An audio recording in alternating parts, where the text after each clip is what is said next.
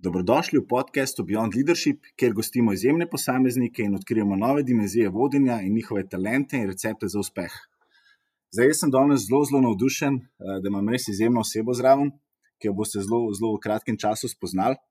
In jaz sem se res veselil tega podcasta. Eh, tako da z menoj je danes res zelo, zelo izjemna oseba, eh, tudi moj vzornik, mentor, prijatelj, inovator, strateg, en najboljših menedžerjev v Sloveniji, vizionar in tudi v bistvu moj bivši šef, Damjan Kralj, ki je trenutno glavni izvršni direktor BTC-jev in član upravnega odbora družbe BTC. Zdravo, Damjan. Zdravo, Mark. Tudi jaz sem zelo vesel, da sem v tvoji družbi, kot si rekel, prijatelj. In me veseli, da bo skupaj prebila tole urico in pol. Super. Zdaj, preden se, se spustiva, malo pa pogledava v, v tvoje izjemne možgane, kako vodiš, kako motiviraš, kakšna je vizija. Bi te jaz, če malo predstavil našim poslušalcem, pa grejo malo čez tvoj CV, da te v bistvu spoznajo. Zdaj, ti si v družbi BTC že več kot 15 let, uh, trenutno vodiš BTC kot glavni izvršni direktor in si član upravnega odbora, uh, si diplomiral in magistriral na ekonomski fakulteti, hkrati imaš pa še ogromno nekih funkcij. Si predsednik nadzornega sveta, ABC pospeševalnika, si bil tudi eden od inicijatorjev, si pripeljal ABC sem. Si predsednik Gimnastične zveze Slovenije, član upravnega odbora KKC Devite Olimpije Ljubljana, podpredsednik tega kluba, si tudi član upravnega odbora Teniške zveze Slovenije ter član Združenja Manager. In nedavno, mislim, da par dni nazaj si postal pa tudi član sveta guvernerjev MČM Slovenije. Tako da čestitam. Tako da res, res ogromen, ogromen nekih vlog, izjemnih položajev. Tako da moje prvo vprašanje je zmeri, kakšen je bil Damien v gimnaziji? Si bil zmeraj tako ambiciozen, si zmeraj imel take želje, cilje? Uh, pa ja, mislim, da sem bil zdrav, ambiciozen. Uh, odraščal sem v zdravi družini z res zdravimi temelji, se pravi, vrednote so bile delo, poštenost, šport, prijateljstvo. Mislim, da te osnovne cilje, ko so bili, bodi dober v šoli, bodi dober športnik, bodi zvest ciljem, ki si jih nastaviš in jih potem tudi zasleduješ po principu, ko imaš cilj pred seboj, ga moraš doseči, ne odnehaj pred ciljem. Mislim, da me je to krepilo, pa seveda srečo sem imel, da sem imel odlične vzornike že v mami in očetu, oba tudi bivša športnika, uspešna poslovneža, tudi v stricu moram povedati, je podobno športnik, uspešen poslovnež, in potem, ko v takem okolju odraščaš, nekako zelo hitro se najdeš v tej vlogi ti postane ta vloga v bistvu jasna, se poistovetiš s tem, potem pa seveda zadevo sam nadaljuješ. Ne? Ampak se mi zdi, da prvi, prvi tak uh, trigger ali pa prva, tudi kanček sreče, ki potrebuješ, je potem, ko po šolanju uh, stopiš v službo in nekoga ne letiš tam. Ampak to je v tem malce kasneje. No. Zdaj, če še malo mal predstavlja družbo BTC, vem, da jo vsi poznajo, ampak ne vejo pa v bistvu dobovje, kaj se vse od zadaj dogaja in koliko je v bistvu velika družba BTC. Zdaj, več kot 500 zaposlenih, pet glavnih stebrov, med katerimi je BTC največjih in najmočnejših logistov v Sloveniji, potem je še BTC Prop, BTC City, se pravi mesto v malem, misija zeleno in pa sektor za inovacijo in digitalizacijo. Pa hkrati je imela družba v letu 2019 skoraj 72 milijonov prihodkov od prodaje, kar so res izjemne številke. Tako da mi povej, kako se ti lotevaš, oziroma ko si prevzel to, to pomembno vlogo, kako si se lotil tega izziva, kako si se lotil vodenja tako, tako izjemne družbe, ki je v bistvu praktično ena od vodilnih podjetij v Sloveniji in ena najbolj uglednih podjetij v Sloveniji. Torej, mogoče samo zato, ker si omenil kanček replike, kar se tiče mhm. samega revenja prihodkov. Mislim, da je bolj pomembno, da imamo EBITDA ki je okoli 20 milijonov, in če si dobiček, je tudi lansko leto, seveda, v bližini 7 milijonov evrov. Pa vendar naš portfelj, kot si rekel, je zelo pester, širok in po eni strani razprašuje tveganje, po drugi strani si pa seveda še toliko bolj izpostavljen, če le to ne menedžiraš ustrezno. Kot je bilo rečeno na začetku, sem imel srečo, da sem v BTC že dolgo časa, vse skupaj mislim, da že skoraj 18 let. In takoj na začetku sem imel odličnega mentorja, to je Jože Mrmal, ki se z mano res ukvarjal to besedno od prvega dneva dalje.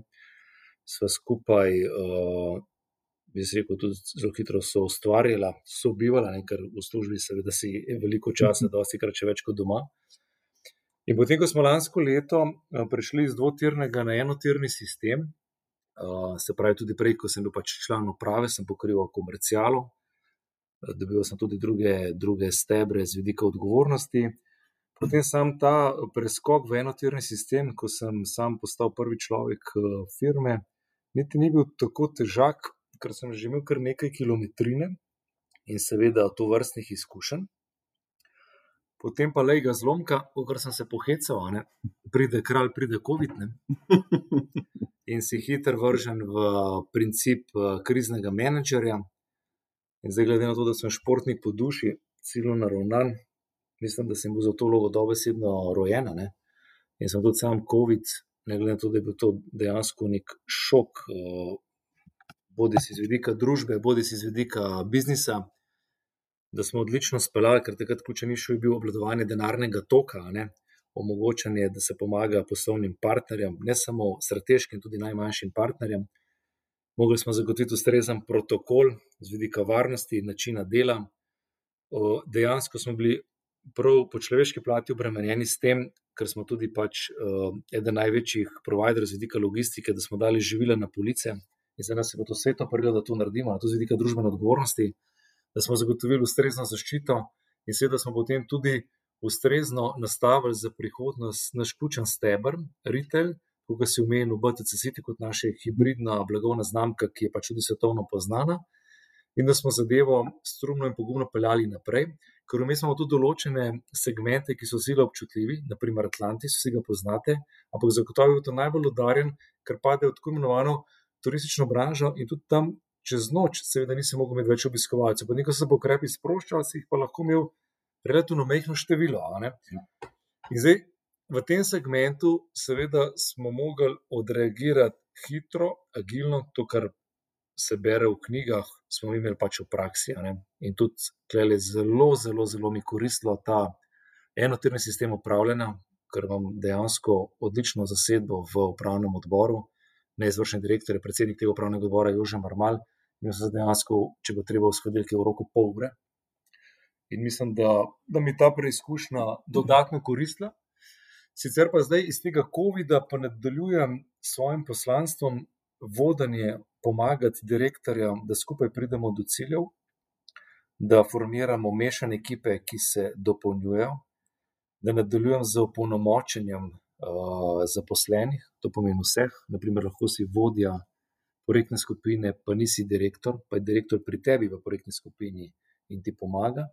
In mislim, da smo zvesti tem načelom, ki smo jih nastavili že prej, pod taktirko Jožeta Mrmala, in zdaj želimo samo, da zadeve peljemo še bolj pogumno in bolj povezovalno. Ne? Hkrati pa mislim, da mi je zelo koristila zgodovinska strateška partnerstva, ki smo jih imeli z našimi tradicionalnimi partnerji, ne, kot sem rekel, zavarovalnice Triglav, Telekom, Microsoft, IBM, najpomembnejši seveda na temo logistike, Špar, Petrol. Morda tudi to odgovor na tvojo izhodiščno navedbo, zakaj sem v tolikih uh, volonterskih vlogah, ker posod sem prepleten s temi strateškimi mhm. partnerji in to delo z veseljem upravljam in pomagam, pa na vse zadnje tudi družbeno odgovorno. In vse te zadeve, mislim, da so bile odlična platforma za me za naprej, da zadeve lažje peljemo. Torej, zagotovo prednost, kot če bi preletel iz nekega drugega sistema v ta. In kot sem se letos že parkrat izrazil, mislim, da mi bo na dolgi rok ta preizkus kriznega menedžiranja s COVID-om najbolj koristil. Da nam povej, to me zmeraj fascinira, toliko različnih vlog, toliko nekih pomembnih odločitev. Kako tvoj delovni dan poteka? Ali imaš kakšno posebno rutino, da začneš dan? Uh, zelo sem organiziran, zelo sem strukturiran, pa vendar se me tudi poznaš. Uh, tako da načeloma za več tednov naprej poznam praktično na uro, pol ure uh, svoje obveznosti.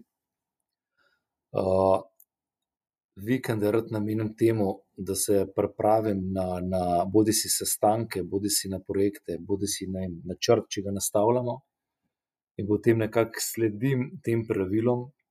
Uh, ko grem, naprimer, na šport, vem, koliko časa športu namenim, zelo pazim, kaj jem, kaj pijem, uh, želim iti spat v istih urah. Ok, mogoče na tem segmentu nisem vedno 100% v sili razmer. In potem, ko si v tej vlogi organiziranosti, pa hkrati seveda tudi način življenja, da se znaš sprostiti, kot sem rekel, preko športa ali pa zelo pomembno, seveda, da imaš družinsko okolje urejeno, kar vam jaz odlično, sem zelo hvaležen. Potem te zadeve delaš z veseljem in jih ne dojemaš kot stres, ampak jaz to gledam kot ogromno nekih zadev, ki jih rad odkljukam in ko jih odkljukam, pač grem naprej. Kar tiče pa dnevnih rutin, zelo rad si vzamem čas za svojo kavo. Mogoče kava moja tudi pravzaprav edini greh, rad popijem dva do tri kapučine na dan. In takrat si rad namenim temu par svojih minut, se pravi, ko popijem kavo, ne, ne hitim za telefoni, uh, maili. To si rad naredim uh, dvakrat na dan. Potem imam pravilo, da nobena zadeva ni zoprna ali neprijetna. Torej, če imaš na dan, karikiram, deset sestankov, 150 mailov, vse ima enako težo. Ne? Nobenemu problemu uh, ne dajem večje teže. In nekako sem tako začel zadeve imeti že pred leti, da tako, ko grem naprimer na kosilo in mi potem sledi uh, težji sestanek, sem si v glavi razložil, da je to del vsake dnevne rutine. In ne čutim nikoli pritiska, seveda pa o pogoju, da sem na vse zadeve vedno pripravljen. Mm. To mi je zelo pomembno, da sem pripravljen in strukturiran. V primeru, da mi zmanjka časa, da se na bodi si kakšen sestanek, vodenje kolegija, ne bi pripravil, kar se mi zelo redko zgodi, potem zadevno bodi si raje prestavim, bodi si povem, katerih točk se bomo dotaknili, ki jih poznam, sicer jih vedno želim razumeti. In nekako se te, eh, te rutine držim. Najpomembnejše mi je tudi to, da na tedenski ravni ne spustim športa, ker če ne spustim športa, ohranim ta uh, notrni mir in lažje ostajam strukturiran. Upam, da nisem predolg. Um, zdaj, kot si rekel, no, meni je bilo zmeraj blazno všeč na vseh sestankih, kolegijih, ki si bil zelo, zelo meren, zelo strukturiran in res si, si vedel, no, da zelo dobro vodiš ekipo. Um, Tako da me zdaj zanima, kako si se ti lotil, opisal si nam že, da je bil COVID, da je bila ta kar velik izziv, ki si ga zelo uspešno rešil in da si se veliko naučil. Kako je pa pomembna zdaj neka motivacija ali pa komunikacija v teh časih, kako si se ti tega lotil? Ker vem, da takrat je COVID se kar pojavil, ogromno podjetij je šlo v neko paniko, krizni management, ljudje niso vedeli, kako se tega lotiti. Kako si se ti lotil iz vidika, recimo, motiviranja in komuniciranja? Pravzaprav smo imeli takrat uh, tri pristope. Uh, eden je bil ta, da smo naredili tako imenovano ožjo krizno ekipo, v kateri smo mi zadeve poenostavili in kar združili. Ne. V tej krizni ekipi sta tudi dva predstavnika iz upravnega odbora, dva neizvršna direktorja, torej Joži Normal, Helena Petrin. Potem sta bila noter še moja dva kolega izvršna direktorja, uh, Rajko Čorič, ki pokriva finančne področje, pa IT, Miha Normal, ki pokriva uh, oddelek za marketing in sustainability. Dodali smo še po potrebi par oseb iz ekipe, in mislim, da je tako nekako kot neko tako krizno ekipo, ki je komunicirala, bodi si preko SMS-a, bodi si preko Vibra, bodi si preko maila, uh, bodi si preko telefona. Uh, nastavili smo jasen protokol, ki je bil uh, za potrebe varnega dela za naše zaposlene. Kot sem rekel, na logistiki smo morali delati non-stop. Ja. Usporedno sem nastavil uh, komunikacijo preko pisem in uh, mailov. Torej, sem želel, uh, rečemo temu, na vsake 14 dni, ali pa maksimalno 3 tedne, nagovoriti vse zaposlene. To so bila moja osebna pisma, kjer smo tudi povedali, kako se lotevamo zadev, kako obvladujemo denarni tok, kako skrbimo za ljudi z vidika varnosti, kaj smo nastavili za obiskovalce kako nameravamo peljati v bodoče vse naše eh, poslovne stebre. Uh, intenzivno sem jaz komuniciral z našim sindikatom in svetom delavcev, za kakršne koli morebitne bojazni, vprašanja. Vse v tistem eh, trenutku so imeli različne izzive. Ne? Uh mhm. -huh. Za nekoga je izziv, ali bo lahko šel poleti na uh, dopust, za nekoga je izziv, ali bomo sploh dobili plačo, ker so videli, da določena podjetja so enostavno imela v roku parih dni že resne likvidnostne težave. Kakšni so imeli vprašanja, kaj bo z mojo zaposlitvijo, kakšen, ali bom lahko zaključil projekt, ki sem ga nastavil. Vse se Ja, Veš, različni, različni smo. Ne? In meni je zelo pomembna ta komunikacija. Uh, nekaj časa sem seveda tudi bil popolnoma sam tukaj v 12. nadstropju, kjer imam pisarno. Uh, tako da je bila ta komunikacija preko teh medijev ali telefona še toliko bolj pomembna. Potem sem si tudi izbral določene posameznike po vseh verigah uh, navzdol, ki so bodi si, naprimer, reševalec iz vode, lahko je receptor, lahko je komercialist, lahko dela v Mileniumu, ki sem jih osebno nagovoril. Seveda, jaz ne morem poklicati 500 ljudi. Ja. Verjamem pa, da trdi teza, da smo pa nagovorili na tak ali drugačen način vse. Vmes sem jim tudi pokazal, da sem imel 5-6 alternativ uh, za obvladovanje likvidnosti za bodoče in za doseganje poslovnega načrta, in kako bi delali tudi v naslednjih letih, da sem jim dokazal, da sem jim dal mir v glavah, uh, da se zadevo lotevamo strukturirano. In to vrstno komunikacijo smo ponavljali. Hkrati smo tudi striktno komunicirali z našimi vsemi poslovnimi partnerji. Kar smo naredili, naprimer, na logistiki z tega protokola, smo ne mudoma obvestili naše poslovne partnerje, od direktorjev do operativcev. Ko smo, naprimer, uh, poskrbeli za zaščitno opremo takoj na začetku, uh, smo želeli, da preverimo pri naših partnerjih, da imajo tudi oni ustrezno zaščito, in seveda smo jih nagovorili, komunicirali. Vse naše protokole, ki smo jih obnavljali, smo ponovno skomunicirali. Uh, kaj želim povedati? Komunikacija je, po mojem mnenju, bila, bi ocenil s čisto desetko, smo pa uporabili vse možne kanale. Seveda, vmes je prišel tudi do izraza tako imenovani uh, Zoom, ki smo ga Mhm. večkrat uporabili. Sam se ga najraje ne poslužujem, se pa vmes izkazal za zelo v redu. Seveda smo vmes mogli biti zelo jasno pripravljeni na te sestanke, razgovore in usmerjanja. In tudi ta medij uh, smo s pridom uporabili. Potem, uh, ko se je pač ta epidemiološka slika umirila, smo začeli intenzivneje prakticirati sestanke, pa kljub temu striktno upoštevali razdaljo uh, zaščito. Uh, pogrešal sem seveda naše delavnice, ki tudi ti poznaš, seveda iz preteklosti.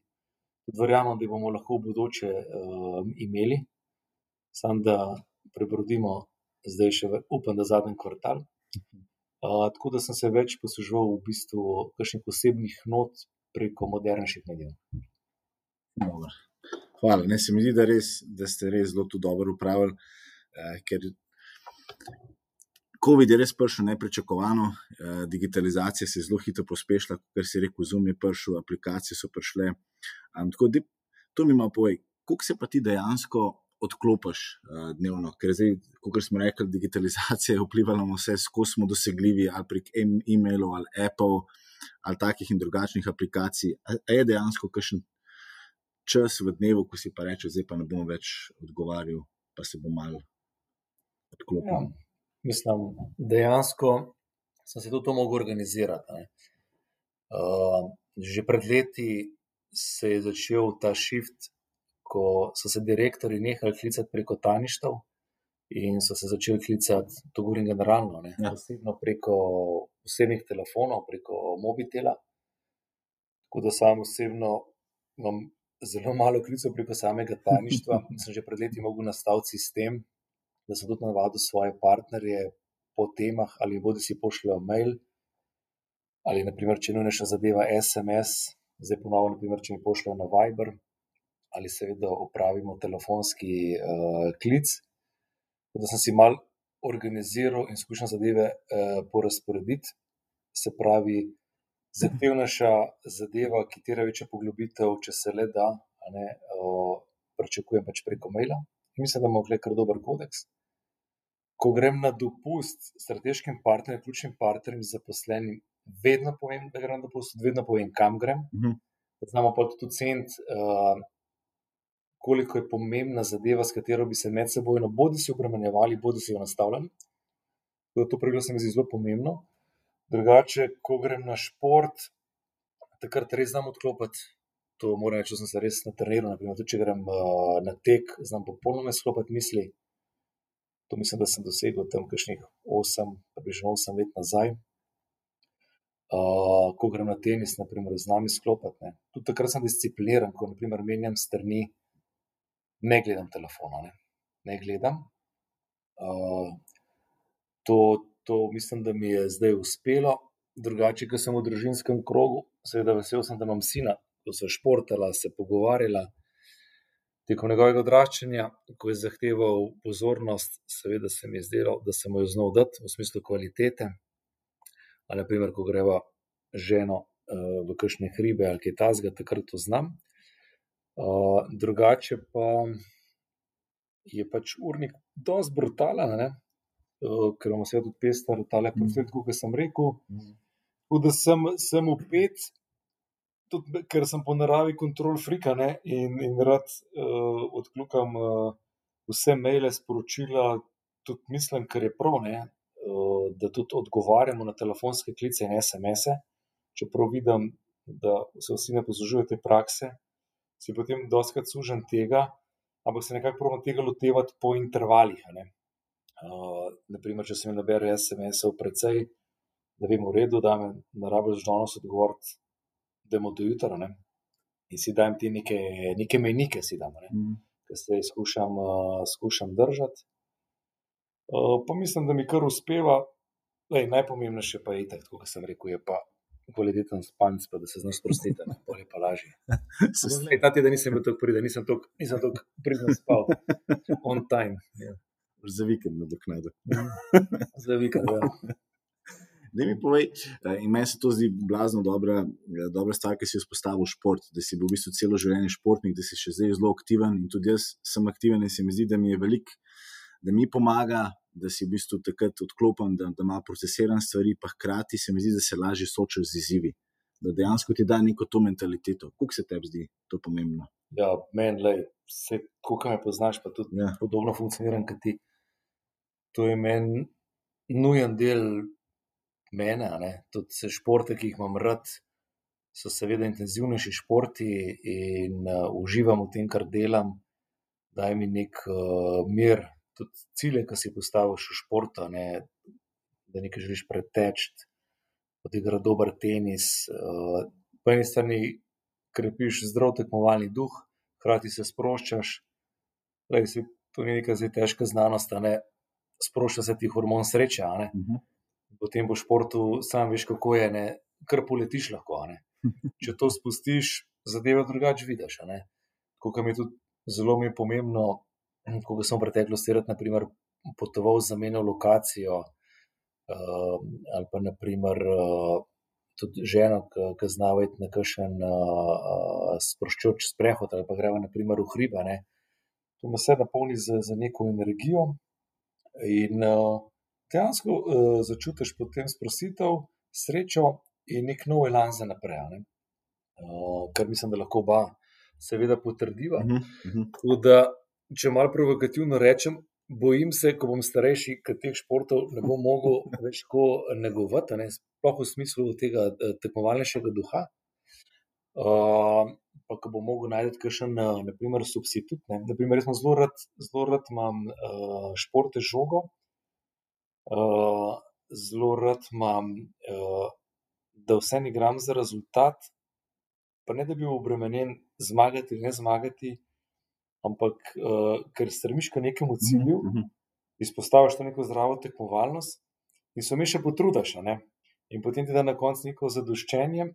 Tukaj, na primer, v poslu, ne se sam veš, če naprimer, dobro spiraš nek projekt. Ne, ne, ne. Sem da po športu, da bi šel dobro za telo, duha, uh, tudi če se dobro prepotiš, očistiš telo. Ja. In potem si redi za nove zmage. Ne? Tako da to mi, je, to mi je absolutno odlična osnova. In tudi mislim, da brez, brez športa uh, si ne predstavljam, da bi tudi to svoje poslovno pot kopelo, ki se je pelalo. Popolnoma strinjam, se mi zdi, da je res šport tako velik, velik plus. Zdaj, ti, ko, ko, ko sestavljaš ekipo, pa ki zbiraš vem, z ljudmi, s katerimi boš delal, so to partnerji ali to že ekipa v BTC-ju. Kaj so neke lastnosti, ki bi jih izpostavil, ki so tebi zelo pomembne? E, to, to vprašanje je nekaj bolj kompleksno. Eno je, kar je meni pomembno, eno je pa, kakšno ekipo rabimo. Aha, top. Zdaj, kar se tiče, kaj je meni pomembno. Ne? Meni je zelo pomembno, da oseba to, kar govori, dejansko tudi naredi, ne? se pravi, kredibilnost samega posameznika. Ne? Da tudi jasno vem, če se je zmožen, če se ni zmožen. Zelo mi je pomembno, da je lojalen, zvest, da mu lahko zaupam. Zelo mi je pomembno, da je delaven. Pa ne tako v slabem pomenu besede, ampak če si delaven, si dosti krat tudi pač ciljno orientiran in potem rad zaključuje zadeve. In, in te, te segmenti so meni zelo pomembni. Ne? Ni pa to nujno zdaj faktor, ki sestavljam ekipo. Ne? Ekipo mi je pomembno, uh, da je na način, da je nekdo, naprimer, če je projektna skupina, ne? če s tem začnemo, ne? da je vodja tisti, ki zna menedžirati pa povezovati. To, da si, naprimer, ti vedno znova znaš povezovati. Potem pa noter, da si pa nastavim uh, več specialistov, pa ne v klasičnem pomenu besede, ampak naprimer, nekdo zna povezati, zapisati, nekdo je dober v empiriki, ne? nekdo je mhm. dober v, v komercijali. Seveda je pa vse povezano s tem, za kakšen projekt gre in kaj hočem s tem projektom narediti. Ali hočem dobro nastaviti za poslovni črt, ali hočem dobro izvedno naspeljati. In stremim k neki komplementarni ekipi, fajn je tudi, da je mešana, da ni ekipa, ki bi se stala samo iz moških ali samo iz žensk, ki se zna zelo dobro potem miks narediti. Ampak, gledaj, mar se to veš, to je teorija, v praksi je to zelo težko. To dosti se dogaja, ker tudi sam vidiš, da potem rad vlečeš čez več projektov eno osebo, ali pa naprimer, ko povezujemo stebre ne, uh, med seboj, se radi upiramo na eno osebo. Ne, Ker dosti trdimo potem napako, ker ne moremo tako lažje. Tega poznam, tega zaupam, vem, kaj bo naredil, potem pa zraven koga dodaješ. Ne? Tako da je treba to še bolj sistematično pristopiti. Ampak zelo rad se vprašam, s katero ekipo lahko dosežem, ne vem, naprimer, rezultat. Mhm. To, to se zelo, zelo uh, rad vprašam. Pa veliko delam na to, kateri tandemo grejo skupaj. Naprimer, nikoli ne smete biti direktor in pomočnik enakih veščin, enakih karakterjev. Ne smete se biti to, kar si jamska dvojčka, morate biti to praviloma različni se osebi. Čeprav se vidi, kako trendi kažejo, šefi morajo biti zdaj po eni strani podjetniško naravnani, pa zelo strukturirani, pa sistematični. Mm, mm. Tako da pravi, hravi šefov ne smeš imeti, ne nikoli. Ne? Je pa fajn, da imajo vse iskrce v sebi, ne? In če je šef Balke, naprimer, vihral, uh, išče izzive in tako naprej, po različnih teh pilarjih, fajn, da je pa ta uh, pomočnik bolj sistematičen ali obratno. Klej smo tudi v preteklosti doskrat, naprimer, naredili napako, pa tudi v bodoče, sigurno še bomo, se pa tega zavedamo. In, um, in tudi nimam težav zdaj, da naprimer, naredim kakšno rošade, če vem, da je nekdo v firmi za neko pozicijo boljši. A po različnih pilarjih, in seveda, če tudi nekaj to veseli, mm -hmm. da se lahko narediš. Tako da, dosti dozdam tudi, tudi na te uh, vedenske lastnosti, uh, karakterne, pa tudi kdo bi z nekom lahko šel. Ampak to je proces, uh, ki, če gledaš na ravni vodstva, ki lahko traja uh, tudi leto, da dve, da si nastaviš uh, zadevo, da ti tako komplementarno in homogeno na koncu dihane. Mi povej, ker tvoja karijera je res izjemna in biti v, v, na takem močnem položaju, pa pride do tja, pa iti čez verjetno je bilo ogromno nekih izzivov, uspehov, neuspehov. Kaj bi pa kakšen ta, v bistvu, ali pa ta, te američani pravijo, da aha moment, ki si pa rekel, wow, zdaj sem pa res na, na tej poti, hočem to delati, hočem biti, hočem postati glavni izvršni direktor oziroma CEO. Kjer je bil kakšen tak eh, moment, ki te je zaznamoval? Okay, ti bom povedal par anegdot. Uh, bil sem, uh, bil sem uh, rekel, pridem učenc. Uh, in potem sem želel, iz, uh, ker sem končal fakulteto, da sem lahko naredil magisterij, potem sem celo gledal, da bi naredil doktorat, sem se celo upisal, sem že začel pisati isto dispozicijo. Pok meni je skozi driveriti uh, v posel, v biznis, ker sem pač v takem okolju odraščal. Ne? Ne, potem sem rekel, da bi da, da je prav, da začnem nekaj tudi bolj konkretno delati, ne seveda. Eh, pripravništvo moraš nekaj tudi neko uradno imeti in tako naprej. Seveda sem že pred tekom študija tudi uh, pomagal uh, očetu in mami v, v firmi, ne? Ampak kljub temu to ni isto, želel sem nekaj delati. Ne? In jaz sem enkrat pogovoril s svojim očetom in sem rekel, da ti meni povej, kdo je zate največji frajer, tako v biznisu. Ja, ja. On meni tako v sekundi ustreli, jo že mrval. Poznala sem se, ne, seveda. Ne. Se rekel, valjda ne, pa v košarki je bil, pa skozi ima neke ideje. Se smo mu sadili že takrat, logično, ne, je bil uh, uspešen, prodoren menedžer. In dejansko je šla anekdota v, v to smer, da sem dobil potem uh, tudi v BTC-ju uh, priložnost za samo pripravništvo. Jaz sem tudi ponosen na to. In to tudi javno povem, uh, da je oče poznal Jožeta Mrmala in mi je omogočil razgovor. Zdaj sem pa naredil vtis na njega na ta način, ker sem rekel: pa se jaz delam tukaj nekaj časa kot študent, ker tako uh, delam še magisterij. Pa če se bomo pač ujeli, se bomo ujeli. Ja, Samo ja. pa ne, to je bilo seveda že to vrvalo zelo všeč, ne, v končni fazi, up, korajžna poteza. No, potem, ko sem bil tukaj, uh, seveda sem imel srečo, uh, sem lahko veliko z njim delal, sem bil zagnan, ko sem imel ideje. Se veš, po principu, ogromno idej, ni nujno, da so vse dobre, ne. Zdaj, to je logično, ne, ampak so razbrali zagnanost. No, in potem so me dali pa na, uh, na izobraževanje, uh, če bi bil pač primeren za vodenje Atlantisa, ki smo ga imeli v vidu, da bi ga postavili. In sem mogel iti v, v Nemčijo, uh, na tako imenovani Ausbildung, pravijo Nemci, ne, to izpopolnitev. In to se mi zdi ena taka ključna prelomna točka, ker sem začutil, da prav bi rad šel kaj. Pa vedel sem, da bom mogel tam sam nemško govoriti, ne, uh, da se bolj povežem z vsemi temi le, uh, fanti, ki so delali, bodi si v savni, da sem se spoznal, ne bodi si v tehniki in tako naprej. In v bistvu sem bil neučakan, da se ta zadeva spela, ne, čeprav sem videl zelo odgovorno delo, uh, ker uh, je bilo hkrati treba postaviti cel sistem, ekipo, software, da, da ti vse pravzaprav stoji, kot je treba, pred samim odprtjem in potem štartne. In seveda, jaz sem to čez, v zagnan, in potem se mi zdi, da je naslednji tak high effect je bil. Ker reče uh, Jože Mrmal, ne, takrat je uh, kot predsednik, reče, koliko časa bi še rabili, da smo mi redi, da odpremo. In mi previdno komentiramo 4-5 mesecev, če določeni procesi in pet. In on reče, dva meseca imate, da me boš, jaz seveda logično, uh, kot tega koraža, tako rekel ja. In takrat smo res delali cele dneve, se spomnim, bile dolo, določene noči, sem bil kar tukaj v, v Atlantisu, spal sem v povprečju po par ur. Uh, predtem uh, sem s Katijo ravno dobila sina Jana, ne? tako da sem imela sporedno še ta izziv. In se mi zdi, da je tako kot, kot paket, tak nov, nov ključen korak, ki te, ki te polni z energijo, uh, si želiš dokazati, ne? se pravi, da on time narediš, da dobro nastaviš. No, in potem naslednji tak preizkus je, ne, kako sobivati s to ekipo. Jaz sem bil takrat uh, mulce, ne, morate sprejeti za svojega, za, za avtoriteto. Ne, in sem seveda uporabil to najno, ne, tudi tvojo športno logiko. Ne, je le zahtevi od njih to, kar lahko tudi sam narediš. ne. Ja. Ko so bili, na primer, reševalci, pa je bilo treba čez nositi ležalnike, tiste, takrat smo imeli tiste galone z vodo, veš, ko so bili tiste Ja. velike. Ne, sem rekel, le, sem prvo zagrabil jaz tiste vode, ne, ki so bile zelo težke, pa ležalnike. Rekel direktor, ta z nami dela. Ne.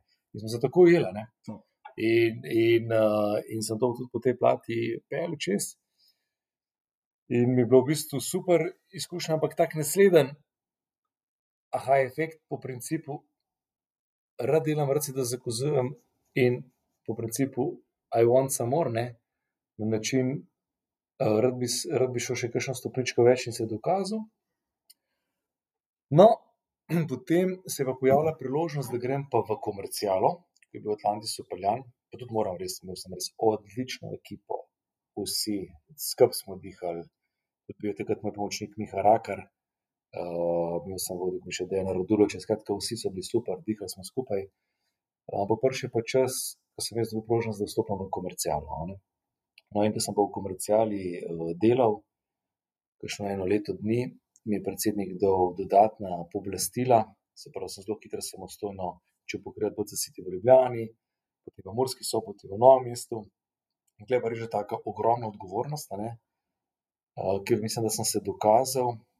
In če bi me vprašal, kdaj je postal ta di-aha efekt, ali pa ti Ja. vprašanje pri meni, a se vidiš, uh, kdaj v bodoče, ne, v, v daljni prihodnosti, za to vlogo, v kateri sem zdaj. Ne, uh, bi rekel, da ja, takrat, ko sem bil učene dve leti šef te komercijale, sem rekel, to bi me absolutno veselilo. ne.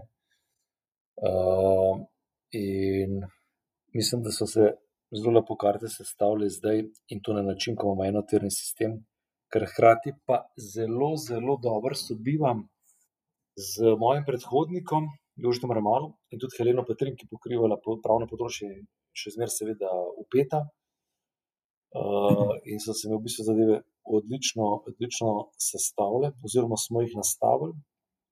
Ampak ja, če bi ti mogel odgovoriti v letih, kdaj sem se videl, kot si bil med 30 in 32 let, star sem se videl, vidim se v tej vlogi, ki sem danes. Ampak na, a veš, na zdrav način.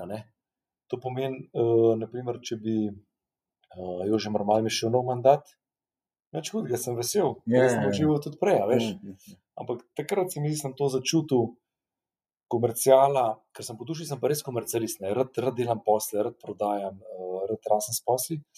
Um, pa rad delam z ljudmi, ne? vse sem jih tudi spoznal, rad imam ljudi, rad vodim, rad sodelujem. Nimam težav povedati, kaj je dobro, kaj, kaj ni dobro. Uh, in um, se mi zdi, da tako med 30 in pa 33 je bil nekako tak trigger, ki sem rekel, Ta moment. da Ful dobro. Ti si meni zmer govoril, da mora biti potrpežljiv in se popolnoma strinjam s tabo. Zagnan in potrpežljiv. Sem bil. Ja, veš, kako je, točno tako je. Moram biti potrpežljiv. Je pa tudi res, ko pa dobiš priložnost, ne, pa mislim, ali pa ti nekdo navrže nekaj, ne, razen če je res popolnoma numen kajs, ne, pa moraš reči, ja, in ugrizam tudi to kost. a Ne. In mislim, da oba veva, da to je pa treba narediti in se tako naredi. Se potem te pa ti kajsi te pridejo, pa dokazujejo. če bi me pa kdo vprašal, uh, ko gledam nazaj, ali pri tisti starosti bil že dovolj zrel za vlogo, v kateri sem zdaj, ne? pa seveda moram dati jasen in korekten odgovor, in to je ne. ne. Mhm. Se veš, mlad si zaletal, si prodoren, uh, z leti imaš več kilometrine, več širine, in uh, praviloma je za to potreben čas. Ne? Torej, govorim, da takrat sem videl željo, pa tudi takrat bi težko rekel, uh, ugrizem to nekaj tazga. Verjetno reče človek po tem takem primeru, ja, ne, ampak vprašanje, če si zrel dovolj. Zato ja, imaš prav. Pozljivo, če sem ti rekel. Ja. Deva, deva se še malo dotakniti um, BTC-ja, pa, pa stalne transformacije, pa razvoja. Se pravi, BTC se je iz v bistvu največjih centralnih skladišč transformiral v, v pametno mesto, v inovativno mesto, do enega največjih living, living labov na svetu, do dejansko prvega Bitcoin eh, mesta na svetu. Tako da stalna transformacija in razvoj. Um, da mi povej, kako, kako dejansko, kakšen imaš ti pogled na inovacijo? Vemo, da, vedva oba, da, je, da je zelo pomembna. In kakšna je tvoja strategija, plan za vem, naslednjih par let za BTC? Kot prvo, mi smo bili vedno inovativni, pa provokativni, uh, kar je dobro. In to mora biti pošten. To je dejansko zasluga podjetnika po duhu, to je bil že marmala. Ne? In mi smo vedno dobivali nove izzive na mizo, ki smo jih mogli speljati, zgrist, kakorkoli bi temu rekel. Ne? In ta mindset je tako nekako povzemeš in je logičen, ne? uh, kar se mi zdi prav. Ne? Hkrati imamo pa zelo močen in razvojen portfelj, in tudi v zadnjih letih je res rad zdrav tudi na novih segmentih, kot je naprimer ABC, ker smo so lastniki, imamo 100 startupov, smo zadevo odlično strukturirali, imamo tudi že krepak in vreden portfelj. Tudi, če gledam uh, naš sustainability za trajnostni razvoj, vse za inovacijo, smo imeli zdrave temelje. Ne? In zdaj ta inovativnost in uh, provociranje za naprej gre zdaj na nekoliko bolj strukturiran način. Radi imamo pripeli, zanaliziraj, testiraj, implementiraj, stežno tudi monetiziraj, ampak jaz bi rad v bodoče dodal tudi še nove stebre. Ne? Se pravi, če imamo naprimer startup, ki je za me zanimiv, pa ga lahko kaj povežem z nekim pilarjem, super krepim pilar. Ne?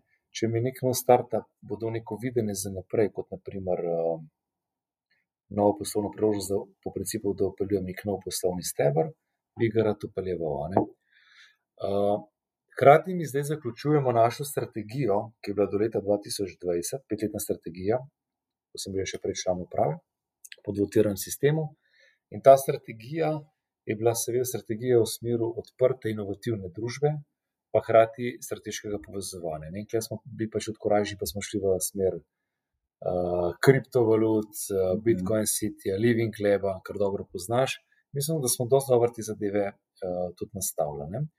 Zdaj nastavljamo uh, sedemletno strategijo. Ne? In ta sedemletna strategija bo seveda krepila segment digitalizacije, inovacije in tudi avtomatizacije, konkretno pri sami logistiki, pa vendar z vezom nekim klasičnim ekonomskim parametrom želim po vseh stebrih rasti. Bodi si v revenju, bodi si v EBITDA, ali pa na koncu v klasični marži, rečemo temu čisto dobičko. Uh, se pa zavedam dejstva, da bomo mogli pri tem prevzemati večja tveganja, ker COVID je ostal v svet za par mesecev, ampak potem bo šla mašina zopet naprej. Ja, in tudi vmes, kar se vidi, zadeve se spremenjajo. Naprimer v retailu, trgovin je preveč, formati se bojo spremenjali. Mi imamo hibriden koncept BTC City, če se tako naproti tega pilarja. Deva, deva. Je odlično nastavljen, dopolnjujoči se programe in storitve, vmes upeljujemo tudi nove tehnologije. Mi smo še to blagovno znamko Living Lab, ko smo testirali nove zadeve. Startupovci smo dobesedno implementirali v ta sistem, ko sem pa rekel: v redu. BTC City ima več arealov, poslovni, športni, rekreativno-zabavišni, trgovski, Skladišče smo prejšnja leta manjšali, zdaj pa spet v neki meri širimo. Zakaj? Ker je vedno več internetne prodaje, pick-up mest in smo rekli, ok, bomo krepili zdaj naše flagshope, še posebej zdaj v COVID-u se zdaj, kako je to pomembno. Prideš do flagshopa, po zraku vstopiš noter. Te flagshopi bo zdaj imeli več uh, showroomov, več pre, uh, bo prepletanja z spletno prodajo in na njihovi poziciji tudi uh, prevzemnih mest se poznamo, Zara ima že zdaj Intersport, uh, ostali da je Big Bang gre v zelo močno vstopo uh, v internetno prodajo ne? in želimo te zadeve krepiti. Hkrati bi pa rad, ta zasitil naredil nove reale. Že od kluka ne imamo nove trge, ne? ker imamo tudi več zelenja, možnost združenja, uh, ker imamo odlično kulinariko, pa gostinsko ponudbo. Jaz sem pa rekel, bi rad pa tudi na Korner, Krepenil sem po korneru, ker bi imel določene, eh, bodi si znane, IT-ovce, rad bi imel robotiko, vse, kar, kar diši po novosti, pa da imajo pri meni poslovne prostore, da pri meni določene zadeve testirajo in da sem jaz z tega naslova tudi atraktiven za tuje partnerje, tudi bodočine. Poglej, kaj bo tudi City dela, ta zadeva nas pa zanima, tudi mi bi bili radi tukaj, radi bi z njimi sodelovali. In vidim, da moramo konstantno spremenjati zadeve, kot smo jih v preteklosti, govoriš o tej permanentni transformaciji, ampak še naprimer na hitrejši način. Ker če pisarne, trend bo šel v smer manjših pisarn, več bo delal doma, ne? torej treba tudi te zadeve upoštevati in gledati. Hrati pa ta segment, da bo ti citi kot hibridno mesto, dejansko participira, bodi si poslovneži, bodi si obiskovalci, kot nek, pa morda ni prava beseda, kot komunity, bolj kot nek prostor, ki bi se dobro počutil, rad zadrževal dlje časa bil, ne, ga pa želimo absolutno še bolj humanizirati. Vse veš, ti moje uh, stalne parole, ne, vsako leto več sto gramovnic, sto dreves in tako naprej. Hočemo zadevo še bolj zeleniti, gremo v smer zelenih streh in vse, ker hočemo zagotoviti to dobro počutje. Ne. Ampak jaz vem, da vse to je eno, drugo je pa, da boš na dolgi rok imel tudi samo zadosten model, zato je meni pomembno, da pripeljem sem tudi nove programe, prevzemam tveganje, zato to kradi vlagamo v start-upe, ker določeni, ki so danes nezanimivi, bojo lahko zanimivi čez 5, 6, 7 let, ti, ki so pa danes zmagovalci, pa ne bojo več zmagovalci. Vmes smo zelo odlično uh, krepili športno sfero, vlagali v kolesarstvo, v skoke, maraton Franja, In poglej ga zlomka, zdaj imamo rogliča, ne? pa še njegovega mladega naslednika, ki kraljuje ta uh, na Tour de France. Mi smo vmes v zadnji dekadi tudi vlagali v žensko kolesarsko ekipo, imeli tukaj pač dogodke, že 39. maraton Franja je za nami, drugo leto bo 40. Tudi na nek način edini vastovni dogodek, ki je bil letos izpeljan. Mi smo s tem krepili športno zavest v širšem realu. Se ne, da smo mi glavne zasluge, ampak smo veliko se angažirali. In pri nas je športen duh tudi v sitju rastel. In poglej, Mark, mi imamo tukaj Decathlon, Intersport, Hervis, Sport Direct. Ne? In vsi se krepijo, rastejo, dodajajo uh, te produkte. Športne oblačila postajajo del vsakdana. Če včasih bilo v službi uh, klasična obleka, uh, oblačilo, obleka, kravata, srca, je šlo potem v smer casual, da že vidiš, kako že športno obutev posega v osnovni segment. In mi smo s tem tudi krepili zavest, gibanje, in tudi krepili smo tako imenovano športno ponudbo. Ne? In jaz sem mogel že pred leti prevzeti tveganje, pa sem mogel reči, ok, a se upamo imeti toliko športne ponudbe na območju. Smo prevzeli tveganje, ampak smo stavili na ta utrip, ki smo ga gradili in se izkazali za pravo potezo. Lahko bi pa šli v napačno smer. Od bodoče, treba to vrstne šifre delati. In tudi športniki zdaj v bodoče, kot primera, ne, bojo eni ostali relativno klasični, kot so bili, drugi bojo šli pa popolnoma v showroom, ki bo se pa potem pomagali z spletno prodajo, ne. tretji bo mogoče malo večji specialisti, spremenja se bo. Ne. In mi moramo s to zgodbo ne samo, da jo opazujemo, ampak jo moramo z njimi skupaj graditi. Ne. Tako da na temo retaila in vsi ti ogromno dela in zivov, kar še pa logistike, samo če to na, na, na kratko ti izluščam, imamo pa odlične strateške partnerje. In če smo včasih gradili tudi usporedno botično logistiko, bo zdaj novo dobri trendi, manj partnerjev, večja skladišča, več avtomatizacije, hitrejši procesi, smer optimiziranja logistike, seveda so bile te zakonitosti, ampak zdaj bo ta zadeva še toliko hitrejša in pomembna. In da z vsemi izvajalci, ki delaš, bo mogel biti vsak stoprocentno kredibilen, strukturiran, ker samo najboljši bojo uspeli. Tako kot se odvija v globalnem svetu, manj jih bo, ampak te bojo močnejši. In na ta način, ker vidim tudi ogromen potencial, Najbolj me pa seveda veseli zadeva, v kateri si tudi uh, ti vedno rad bil in si še zmer, to je pa ta startup scena, ker enostavno, poglej, kako se je spremenil. Ne? BTC bo v parih letih solastnik 150 startupov. Ja, no, to je nora številka. Čestitam, ja. No. Od tega imamo 20 do 30, in ti kar nekaj dobro poznaš, res potencijalnih zmagovalcev. In z tega naslova pa verjamem, da bomo vstopili tudi preko izbranih, pa še nove pilarje enostavno verjamem. Ne? Pa ne, da se mi zdaj naivan, pa rečem, da bomo stali, bomo mi zmagovalci, ne vem, klik in kolek sistema, da bomo zmagovalci zdaj internetne prodaje, ne? tudi vemo, kakšne marže so, naprimer. Ne? Sploh nič ne prejudiciram, moram pa klemeti popolnoma odprto sliko, da sem pripravljen zagovarjati, da prevzememo tveganje. Vstopamo v kakšne eh, tovrstne, tovrstne novosti, Uh, ker na koncu dneva sem tudi zvest retailu, ker uspešnejši startupi, potem tudi radi imajo naš poslovne prostore. Uh, in, uh, in se ti zdaj lepo zaokroži. No? Tako da je nek tak, uh, nek tak uh, močan potencial. Zelo, zelo mi je všeč. No. Jaz moram povedati, da BTC je bil res uh, ena najboljših izkušenj, ki sem imel v življenju. Mi je zelo všeč tvoje, pa, pa od uh, gospoda predsednika Mermala, razmišljanje, ki ste bili res zelo, zelo naklonjeni inovacijam.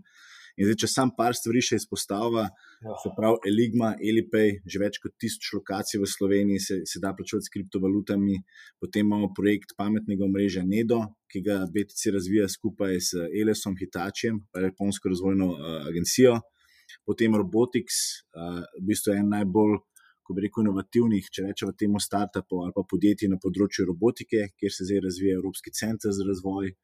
Investirate v ogromno kriptopodjetij. Tudi v bistvu prvi, prvi ki ste upeljali, recimo prvi, ki je upeljal blockchain tehnologijo v logistiko. To je res izjemno. izjemno smo, mi smo dva pilotska projekta, ja. tako da lej. Pravilno povzemaš. ne, to, to sem hotel v bistvu iz tega zaključiti, da mi malo razložiš, ogromen, kot si rekel, moraš biti malo nagnjen tveganje, ker se mi zdi, da ogromno podjetij danes, ker ne, ne investira, ne inovira, bo hkrati zelo hitro zaspal, pa mogoče postal dinozaver. Ja, ampak gledaj, se tudi, pa tudi znaš presluhati tistim, ki bolje vedo. Ne, na tem primeru kriptovalut ali pa novih tehnologij, se gre, da bo ti najboljši primer.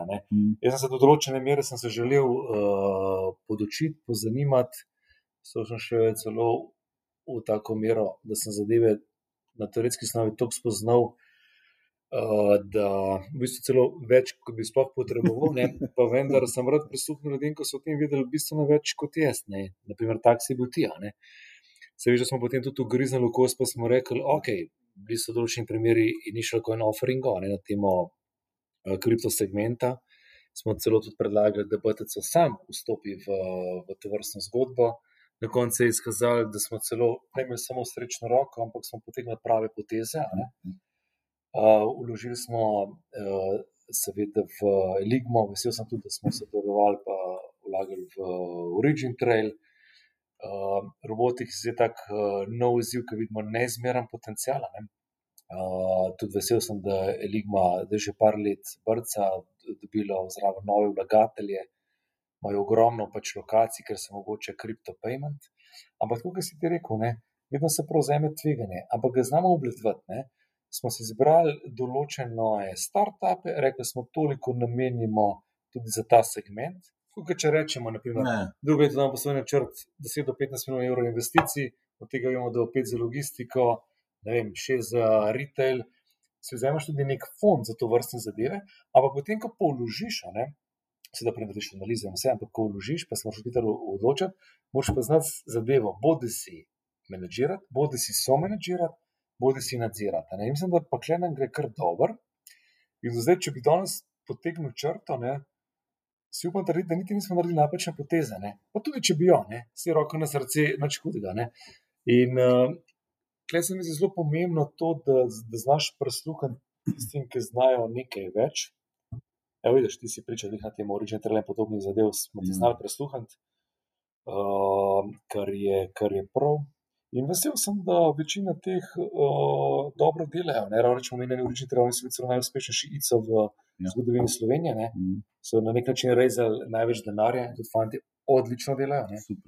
In sem uh, zelo vesel in ponosen. In tudi Ligma, da je na tem uh, težkem trgu, ne, kot tudi če gledaš, ki nastavlja infrastrukturo, ne, da so tako dobro pripeljali do danes. Ne. Ker ključno je, eno je uh, nabrati funding, drugo je pa potem to pelati, pa menedžirati, pa na trgu živeti več let, ker ljudje ne vejo. Ti moraš pa priti do nove stopnje, rezati nov kapital. Uh, če tudi strmiš v smer, da greš v exit, ne? če pogledaš na, na daljši rok, morda še toliko več izziva. In uh, super. Da, da tudi v, bodoče bi sigurno zagovarjali, da imamo strategije, da tudi sami kot BTC še naprej neposredno vlagamo v to vrste zgodbe. Ne? in da smo, da smo odprti. Kar se, pa, kar se tiče pa same logistike, če dam kot primer, tudi tam seveda moš prevzeti tveganje, ampak tam ga pa lažje na strukturiran način peleš, ker mi smo logisti že po duši, že več kot 65 let. Ne? In tam imaš nek know-how, neke temelje, ne? in tam je uh, matematika jasna, pot je jasna, potem samo gledaš, s katerimi strateškimi partnerji to gradiš in kako ti trend nakazuje. Potem, ko, ko pa pri teh novostih, ki sem pa prej omenil v startup sceni, ne, so pa take spremembe lahko čez noč. Tukaj spomnimo se, naprimer, outfit ali pa, ki so določeni api čez noč uspeli, potem pa tisti, ki so imeli pa tudi perfektne ape, ne, pa so vstopili mogoče tri četrt leta za njimi, ne, so že izgubili timing. Ali pa, naprimer, če pogledamo takrat, ki je bil modern initial coin offering. Ne? Če nekdo zamudi vlak za ja. pol leta, pa ima lahko celo boljši produkt. Je šlo, ne, ja. prepozen, tako da moraš znati, da to tudi grize. So far so good. Ne, ne to ja, čestitam. Um, zdaj, BTC je dejansko mesto v malem. In več kot 3000 podjetij, med njimi so res, praktično se mi zdi, ni, ni velikega ali pa velike. Uh, internacionalke, ki ni locirana v BTC-ju, zdaj govorimo od Microsofta, BMW-ja, IBM-a, Zare, Apple, v bistvu vsi so locirani tukaj in res je to tak hub inovacij, pa hub v bistvu teh res top podjetij. Zdaj pa povej, kako težko je pripeljati kakšno tako veliko znamko, zdaj, če se malo fokusirajo tudi na IKEA in kaj recimo prihod tazga velikega partnerja pomeni za območje. Okay, ker si zelo korektno naštel, mora vsem podariti v poslovni sferi Unicredit banko, ki je daleč največji. Pri nas imajo stolpenci, uh, ker tudi jaz uh, imam pisarno, domujem, uh, imajo 16 ropi in so tudi naš uh, dolgoletni partner, drugače pa drži. Ponosni smo, da imamo vseh segmentov, imamo tudi kar nekaj iz farmacije.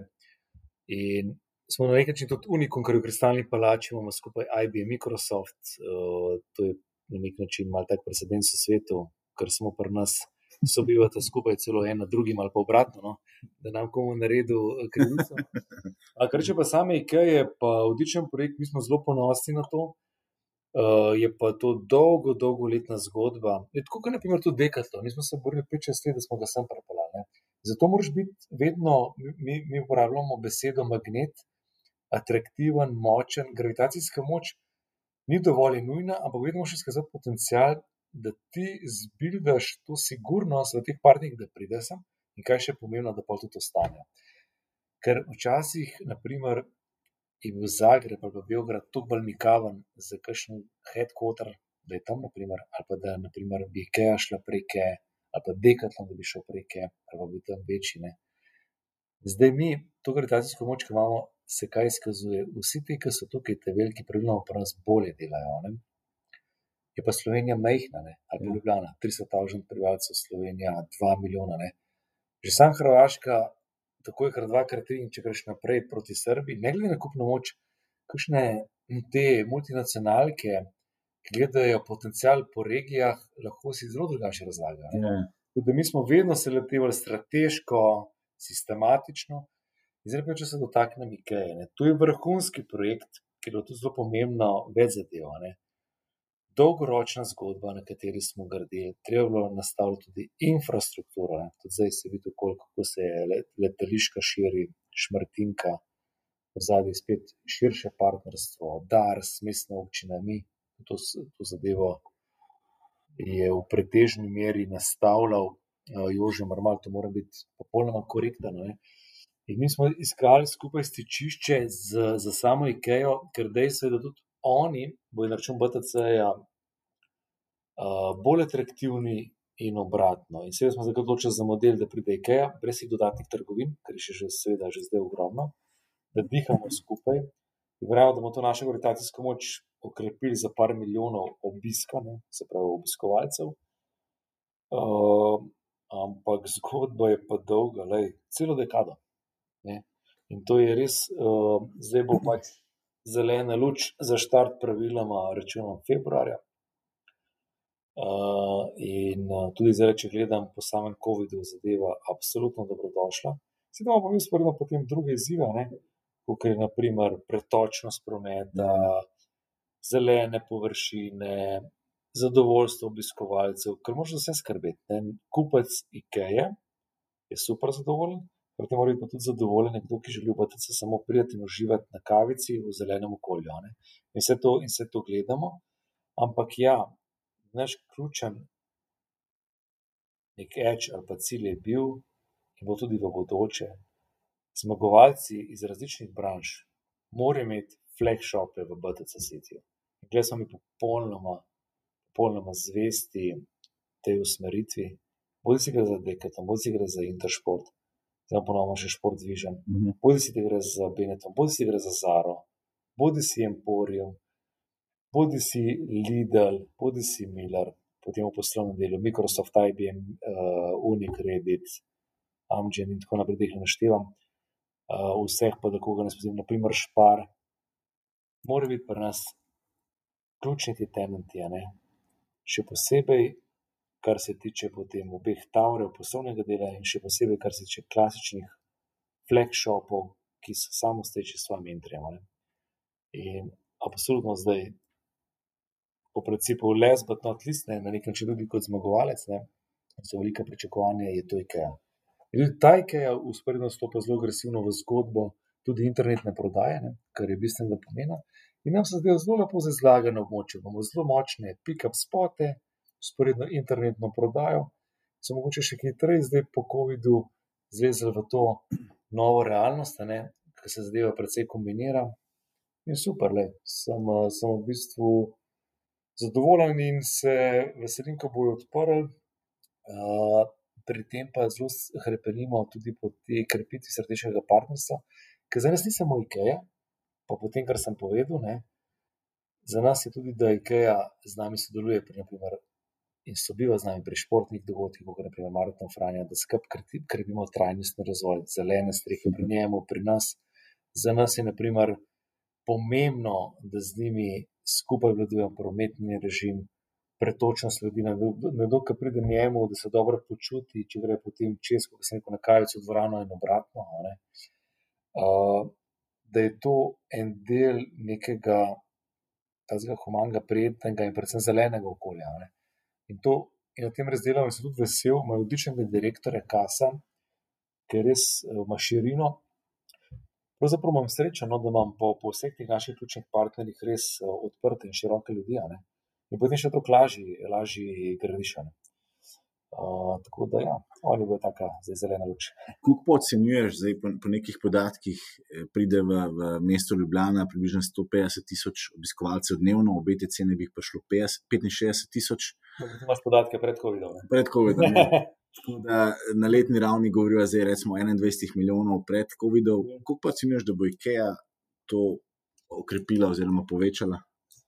Rad bi povedal sledeče, da je kljub COVID-u ta post-COVID era, kar se tiče obiska BTC-ja, smo mi na podobnih številkah, ne, kar je nek način unikom. In tukaj tudi kaže, kako je bila pomembna naša strategija, da imamo poslovni del, športen del, družaben del, trgovski del. Ker če bi stavili samo na enega, BTC več ne bi bilo. In to je ja. točka ena. V mestu zaradi samega turizma so številke popolnoma druge, kar je po svoje razumljivo. Svet je ta trenutek v drugačni poziciji pretoka je manj, turizma je manj in je drugače. Ne? Jaz trdim sledeče. Ne imamo zdaj, kljub vsem temu, podobne številke, ko se bo turizem krepil, bomo imeli dodaten neodon, sigurno pol milijona, da milijona več obiska, ne? že samo zaradi turizma. Medtem ko pa IKEA po njihovih projekcijah zagovarja 2,5 milijona do 3 več, govorimo o tem, mi, mi uporabljamo besedo mesto obiskovalec, obisk, ne? ker naprimer mi dva, ja, ja. tudi obiskovalce pa lahko na dnevni ravni štirikrat pridejo, pa štirikrat grejo. Ne govorimo o entrih, ne?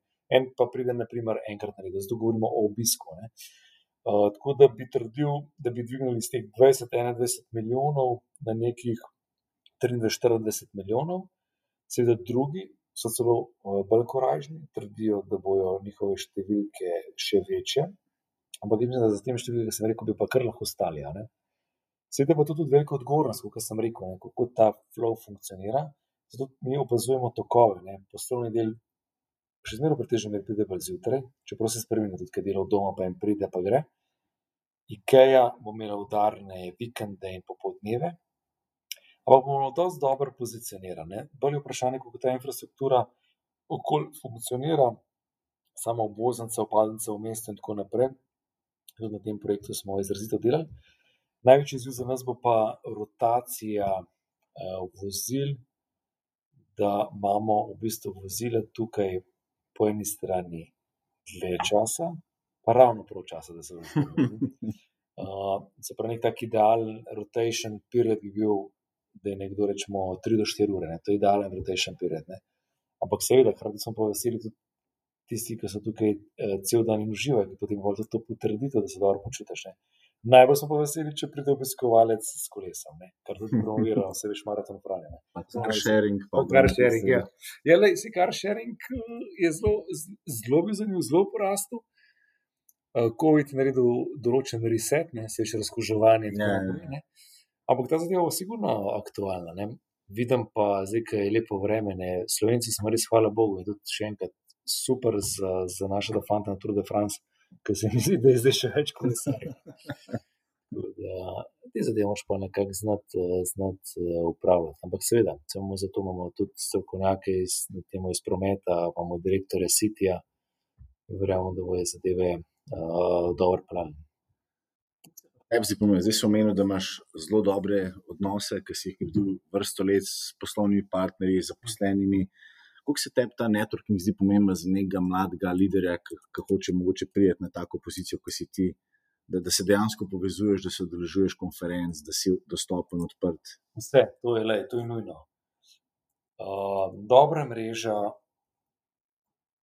je ravno tako pomembna, kot da si kredibilen ker eno z drugim je pa nujno povezano. Ne. To pomeni, včasih se reče, več ko znaš, več veljaš, kar drži. Jaz trdim, več ko jih poznaš, več veljaš. Moraš pa paziti, da si, da si, da si kredibilen. In kar ko se z nekom dogovoriš, mora veljati, ne. če zadeva ni vsakmu všečna. Ne. In potem, ko dodajes mreži to kredibilnost, potem dejansko lažje delaš. In jaz spodbujam vse mlajše, tudi sodelujejo raznih forumov, konferenc, grejo tudi iz svojega okvirja, pa tudi imajo stike iz branž, ki niso njihove branže. Ker svet se bo tako spremenil, da kaj pa veš, kje boš v bodoče delal, pa kaj pa veš, kateri pilarji se bodo prepletali. In se mi zdi, da je to nujno, nujno, nujno pomembno. seveda pa gradiš vedno v življenju, tudi tam, kjer delaš, pa največ na strateških partnerstvih. Tam pa tako, kot sem rekel, je pa še to bolj pomembno, da si flawless v smislu besede velja, da si kredibilen. ker potem ima tale ožja in širša mreža, ima šele potem tisto ta pravo težo. Dajva se malo še dotakniti tvojega stila vodenja, ki me blazno fascinira in meni bo, saj pravim, zmeraj všeč, ker si bil zelo odkrit, transparenten. Tudi je bilo treba zagrabiti za delo, smo skočili, takrat ko se je bilo treba spustiti, smo se malo sprostili. Tako da, koliko je tebi pomemben, oziroma kako se ti lotevaš nekega, veliko govorimo o nekem konstruktivnem feedbacku, dejansko, da, da si zelo transparenten, odkrit, da poveš zaposlenemu, če je uspešen, če dobro dela, da ga pohvališ, če ne dela dobro, da mu poveš, kaj ne dela. Kako se ti tega lotevaš? Jaz mislim, da ko nagovarjaš množico, je prav, da motiviraš in da pohvališ in poveš, kaj si še želiš, da deluješ povezovalno. Ko izpostavljaš, kaj ti ni všeč, je prav, da govoriš ena na ena. Pa tudi takrat moraš pri tem, ko poveš, kaj ti ni všeč, pokazati smer, kaj bi želel, da se spremeni pri delu posameznika. vedno sem poudaril transparentnost v komunikaciji pa hkrati spoštljivost, ne. To se razume, ne. Da, da, da, da si spoštljiv, tudi če poveš zadeve, ki niso, niso prijetne za slišati. Predvsem pa želim motivirati v smislu we can do better, a ne. Ker vedno si lahko boljši, a ne. Ampak ne na način, da, da bi koga izčrpal ali pa preveč obremenjeval, ampak bolj po principu, da se bolj pripraviš, bolj poglobiš, da si vedno lahko bolj korajžen. Pa to, kar si vedno želim od vseh direktorjev, da si bolj odločen. Ampak ta odločen ne pomeni random odločen, za miš pa odloč, ne, ampak na osnovi nekih temeljev. In rad imam tudi razgovore ena na ena, tudi vesel sem, da pri nas imamo te karierne razgovore, da imamo tudi tristošestdesetstopinjsko ocenjevanje, to pomeni, ocenjujemo podrejene kolege, podrejeni nadrejene. To terminologijo sem uporabil samo zato, da se zastopiva, kdo vse se ocenjuje, ne. Ker drugače me poznaš, nisem obremenjen s, s hierarhijo, ne. Rad imam tudi to, da na primer, če ima kdo dobro idejo, super, napiši mi mail, se bova usedla na kavo in prisluhnila. Zdaj v tem covidu je bilo tega manj, tako da sem zdaj mogel kar nekaj stvari nadoknaditi. Tako da sem imel v zadnjih desetih dnevih mislim, da nekih deset, enajst osebnih razgovorov. Bodisi so bili, kaj se lahko bolje naredi na delovnem mestu, kaj si ta oseba želi, s kom bi se želel bolj povezovati, kaj bi se želel učiti, a ne. tudi opažam, ljudje si želijo še več mentorstva, a ne. Kar je prav, a ne. In, mislim, da, da moram na tem tudi naprej delati. pa prav se mi zdi ali pa pomembno se mi zdi, da res poudarjaš, da to, kar si želiš od nekoga, da ti tudi on verjame, da bi ti lahko naredil, ne. In v tem, v tem krogu ali v tem vodenju želim funkcionirati. Ko imamo pa kolegije, jih pa želim imeti bolj task-oriented, se pravi, da so krajši, da smo takrat jasni, kdo mora kaj narediti, pa kdaj mora narediti, pa da preverimo roke. Ker takrat pa ne želim, da imamo uh, kakšne de, širše debate ali pa debatne krožke, krožke, da smo bolj task-oriented. Rad pa imam, da se po manjših skupinah zberemo, pa na brainstormu pogovorimo, uh, ker potem tudi lažje razumem uh, issue uh, kakšnega šefa ali pa vodje kakšnega oddelka. Uh, se pravi, da mu tudi znam bolj prestuhati, ker potem na kolegih uh, lažje usmerjam, naprimer, kdo kaj naredi. Ne? Ampak, gledaj, itek se moramo vsi, vsi se moramo neprestano učiti, ne? pa predvsem moramo znati uh, tudi poslušati, pa slišati. Ne? In uh, ko po ciklih se rad tega držim, Uh, je pa res, ne, da, da ko se ti nabere nekih poslovnih izzivov, ki jih moraš speljati, kot je bilo zdaj v COVID-u, takrat si pa res striktno task-oriented mm. in potem uh, to vodenje z opolnomočenjem uh, je ob strani. Ne, in zdaj, ko gledaš zadnjih par tednov, ne, pa spet to v spredje porivaš. Uh, po principu, da bi bil najbolj vesel ko bi imel nastavljeno strategijo, imel določene svoje ključne partnerje, gledal za naprej, za razvoj, ki lahko še rastemo. Da te ekipe, eh, poleg poslovnega načrta, same dajo ideje, pa jih tudi uresničijo po plemenitih, to je najlepši scenarij. Ne? Ampak to, je, to, je, to se mi zdi nikoli dosegljiv cilj, ampak vedno nekaj, kar moraš konstantno na tem delati, pa ne gvata, ne? da se bližaš temu cilju. Kar se to logično. Ne?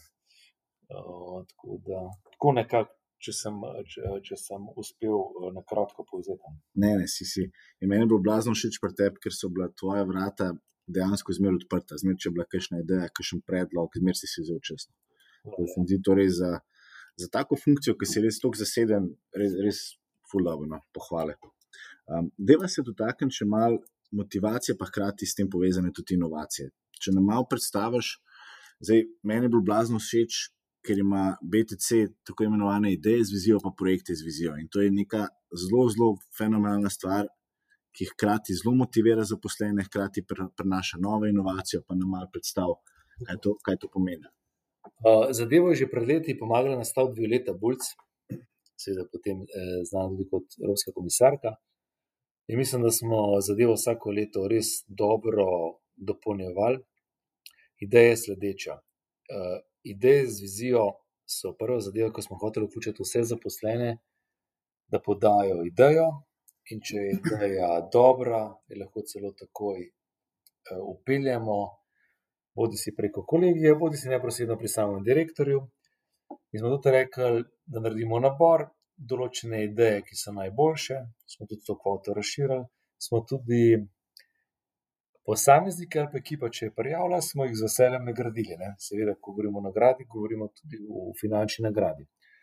Projekt je seveda bolj kompleksen, mora biti že razdeljen, mora biti tudi z neko kalkulacijo, imamo tudi jasne kriterije vrednotenja, zato da si tudi objektiven, kdo ima potem tudi najboljše projekte. Tudi tukaj smo rekli, da določen kvoto projektov nagradimo, tukaj so lepa nagrade že toliko večje. Ne? In tukaj smo res zvesti temu vsako leto, mi smo že pač več kot sto idej. Čeprav dobrih, dobrih projektov, prav dobrih, dobrih, ne, seveda tukaj ne moreš gledati na kvantiteti, ampak na kvaliteti, veliko bo prečil od 3 do 6 na leto. Ampak smo hrpenili k temu, da so skupine večje in smo tudi dali konkretne uh, denarne nagrade. Usporedno smo rekli, če nekdo naredi neko izredno delo, prepele novega partnerja, naredi dober business case, smo rekli, ne glede na ideje z vizijo, ne glede na projekte, ki so imeli, seveda, jasne kriterije, po principu, da je neka zadeva inovativna, nova, drugačna. Ne? In seveda tudi, naprimer, je donosen, ni donosen, in tako naprej. Smo rekli, v redu, ne glede na to, posebej nagradimo posameznike. Že po kolektivni pogodbi imamo možnost nagraditi klasično do 15% plače, pa smo rekli, neodvisno od tega, če je izreden case, v redu, lahko dobiš eno, dve plače nagrado. Ne? In mislim, da smo temu bili skozi ta leta skozi zvesti. In to, ne glede na to, ali bi kdo potem špekuliral, ali se da v poslovni načrt, ali se ne da, nima veze. Če imaš dobro idejo, če imaš dober projekt, ga prijaviš, je pa nujno, da ga prijaviš. Ja. To tudi poznaš, to pa drugače ne more biti. Moraš prijaviti, imaš neko časovnico, je strukturiran način te prijave. Se pomaga, ker potem tudi samo vrednotenje, podcenjevanje mora biti objektivno. Ne moreš zapreti, da mi je kaj reči, uh, ti si mi všeč, ideja mi je fuz zanimiva, dobiš nagrado. To pa ne gre. Ne? Ja. Mora biti strukturirano, merodajno, zato potem tudi, ko pogledaš, uh, da je zadeva transparentna. Zato so mi pa mogoče sami ideje še toliko bolj všeč, ker smo lažje spodbudili uh, komisarje iz logistike, receptorje iz Atlantisa, imam dobro idejo, je opisal, boh ne da je seveda, da bi še šel še zdravo nek finančni laborat. In če je ideja dobra, uh, in je potem skupina, ki je ocenjevala, in ima možnost uh, dobiti neko priznanje ali nagrado, ne smo na ta način lažje motivirali vse po piramidi v BTC-ju. Ker pri projektu, ne glede na vse, moramo biti pošteni, uh, ne govoriš manjšo skupino, praviloma je to management. Ne? Pri ideji z vizijo smo pa nagovarjali vseeno in to mi je bilo v bistvu na nek način najbolj všeč. In seveda želim si, da bo, da bo to tako uspešno tudi uh, v bodoče. Ne, meni je bilo to ena boljših stvari. Se mi zdi, da je zelo malo podjetij, no, ki na tak način spodbuja, spodbuja zaposlene. In hkrati je BTC tudi leta 2018 uh, dobil nagrado za najbolj inovativno oziroma napredno podjetje. Tako da čestitam. Hvala, Marko. Veš pa lepši spade, če to ti poveš. Deva se še malo dotakniti tvojega sloga vodenja. In ti, se pravi, karijera. Da zelo rinaš v ta slog vodenja. Moram te danes te moram malo sprovocirati. se. se pravi, bil si vodja Atlantisa, potem si bil direktor BTC City, uh, zdaj si glavni izvršni direktor. Verjetno se je tvoj stil vodenja tudi tekom let spremenil, pa si mogoče se učil na kakšnih, si naredil kakšno napako, si tudi ogromno dobrih stvari naredil. Tako da, kako se je recimo tvoj stil vodenja spremenil, pa prilagajal tvoji funkciji? Veš, kako je ne? Uh, mislim, po mojem, ključna sprememba je ta, da danes moraš v te vlogi, ki jih imam danes, ne moram delovati absolutno povezovalen. Moraš znati biti še toliko bolj solidaren, moraš še toliko več empatije pokazati. Ne? Biti sočuten, zakaj ne? Ker uh, ljudje ti morajo, če si dober vodja kot šef, ne samo, da ti zaupajo v smislu dobrih rezultatov, ampak da tudi se počutijo varno. Ne? In jaz sem imel predhodnika, ki ne samo, da je bil vizionar, podjetnik, odličen menedžer, ne tudi na nek način vse nagrade in povroke so možne. Uh, je vedno te vrednote uh, v bistvu poudarjal. Ne? To so vrednote, s katerimi se tudi jaz absolutno poistovetam uh, in verjamem v njih in jih tudi živimo. Ne? Ampak prej bila moja vloga v smislu, vedno sem vodil ekipe, ampak hkrati sem tudi mogel uresničevati uh, poslovne črte. Se ne bi dobro razumel, se tudi zdaj ga moram. Yeah. Ja. Mogoče s tem ostalo odgovor še toliko večja. Ampak uh, sporočila, ki jih daješ in nagovarjaš ljudem, kot sem zdaj v COVID-u, jim dajo mir, povezovanje, ohranjanje delovnih mest, obvladovanje denarnega toka. Ne vedno moraš skrbeti kaj in kako sporočaš, in to vsem. Ne. Hkrati tudi, če to bolj biti pozoren, ko greš po območju, pa te kdo ne govori, uh, uh, mu presluhante. Uh, to se mi zdi ena taka uh, ključna sprememba. Naslednja sprememba je, ker sem tudi pač komercialist po duši, pa, pa duar. Pa, Pa, pa rad uh, tudi sam sodelujem pri pogajanjih, in tako naprej, in me to veseli, uh, se ne smeš prepustiti, da te to ponese, ne? ampak moraš biti uh, na nek način uh, nad tem, pa voditi, pa usmerjati. Ne?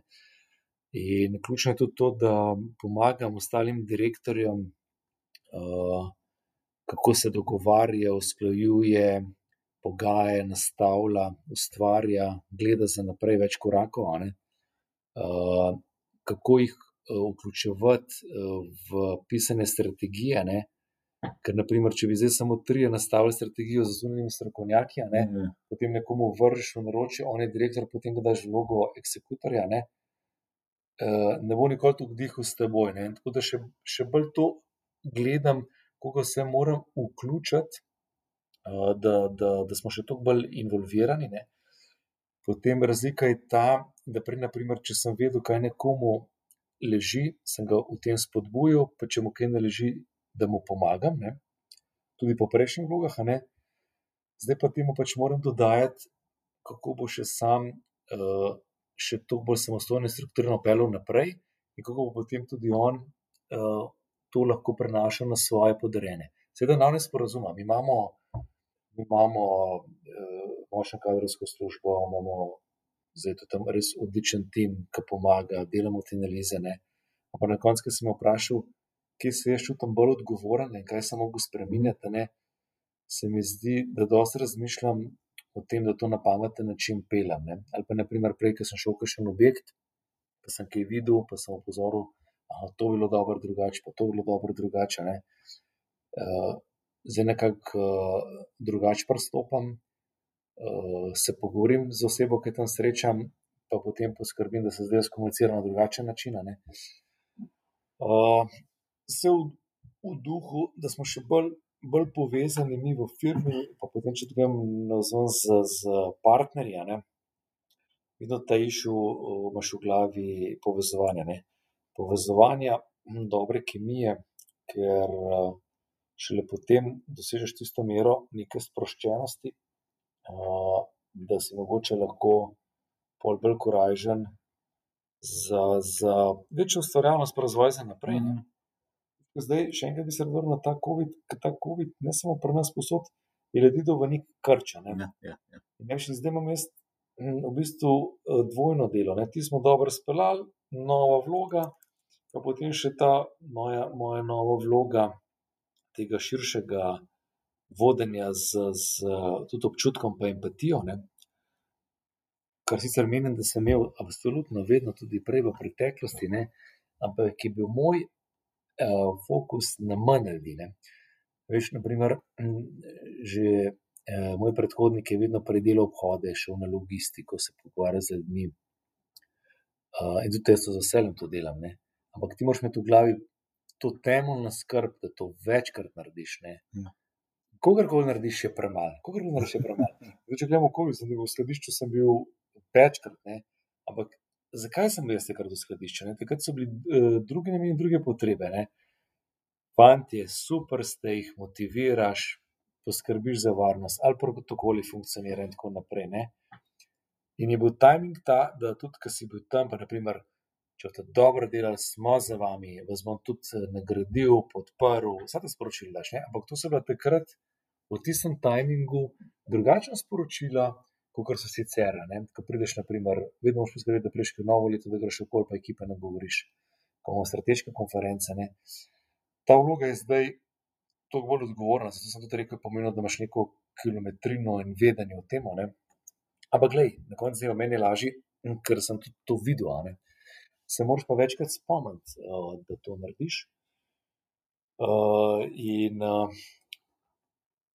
to je to, kar je v bistvu teže. Veš, kako imaš pa kolegi direktorjev, si pa lahko bolj strukturiran, pa fokusiran na samem kolegiju. Ko se kolegi zaključijo, se šele pravo vodenje, potem spet uh, začne ali pa vrneš v to vodenje.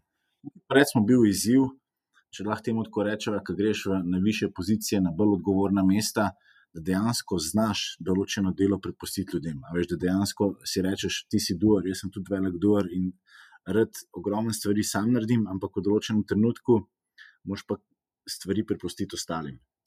S tem nisem imel nobenih težav, sam se z lahkoto odločam, ne, kar tudi veš. Ja. Uh, to, kar pa še raje naredim, če vem, da je za nekdo dober način, ki pa res z lahkoto polnomočam. In sem si totalno razpršil tveganje. Prvo sem stavil na tiste, ki sem vedel, da so res najboljši v tem, kar delajo in absolutno zaupamo. Ne? Potem sem pa postopoma začel dodajati še ostale. Uh, veš, ta matematika ne reče, da ne, ne funkcionira. Ne? Jaz bom vse, od tega dne jaz ne bom bojo ostali. Ne? In sem lepo dodajal. In, in to sem tudi z načrtom uh, se tega tako lotil. Hkrati sem pa skušal vsem dati vedeti, če imate problem, ne glede na to, kje pozicijo imaš, pridi s problemom, pa ga pravimo skupaj rešiti, da me bi čim manj zadev presenetili. Ampak bolj verjamem v polnomočenje. Ne? Disko je v nečem dober, aj puzgane svoje naredi, sam, da se z njim veseliti, kaj dobro naredi. Mm. Če mu lahko pomagaš, mu pomagaš. Drugače pa ne pipi tistega, kar je drug boljši od tebe. Ker vedno je ogromno ljudi, ki so boljši od tebe v, v delu, ki ga upravljajo. Pri tem je bilo tudi blazno zmerno všeč, ker dejansko si rekel, prid k meni, prid s problemom, ampak ne že rešitev. Kajšno, ja, dejansko, dejansko prideš že z parimi rešitvami. Oziroma...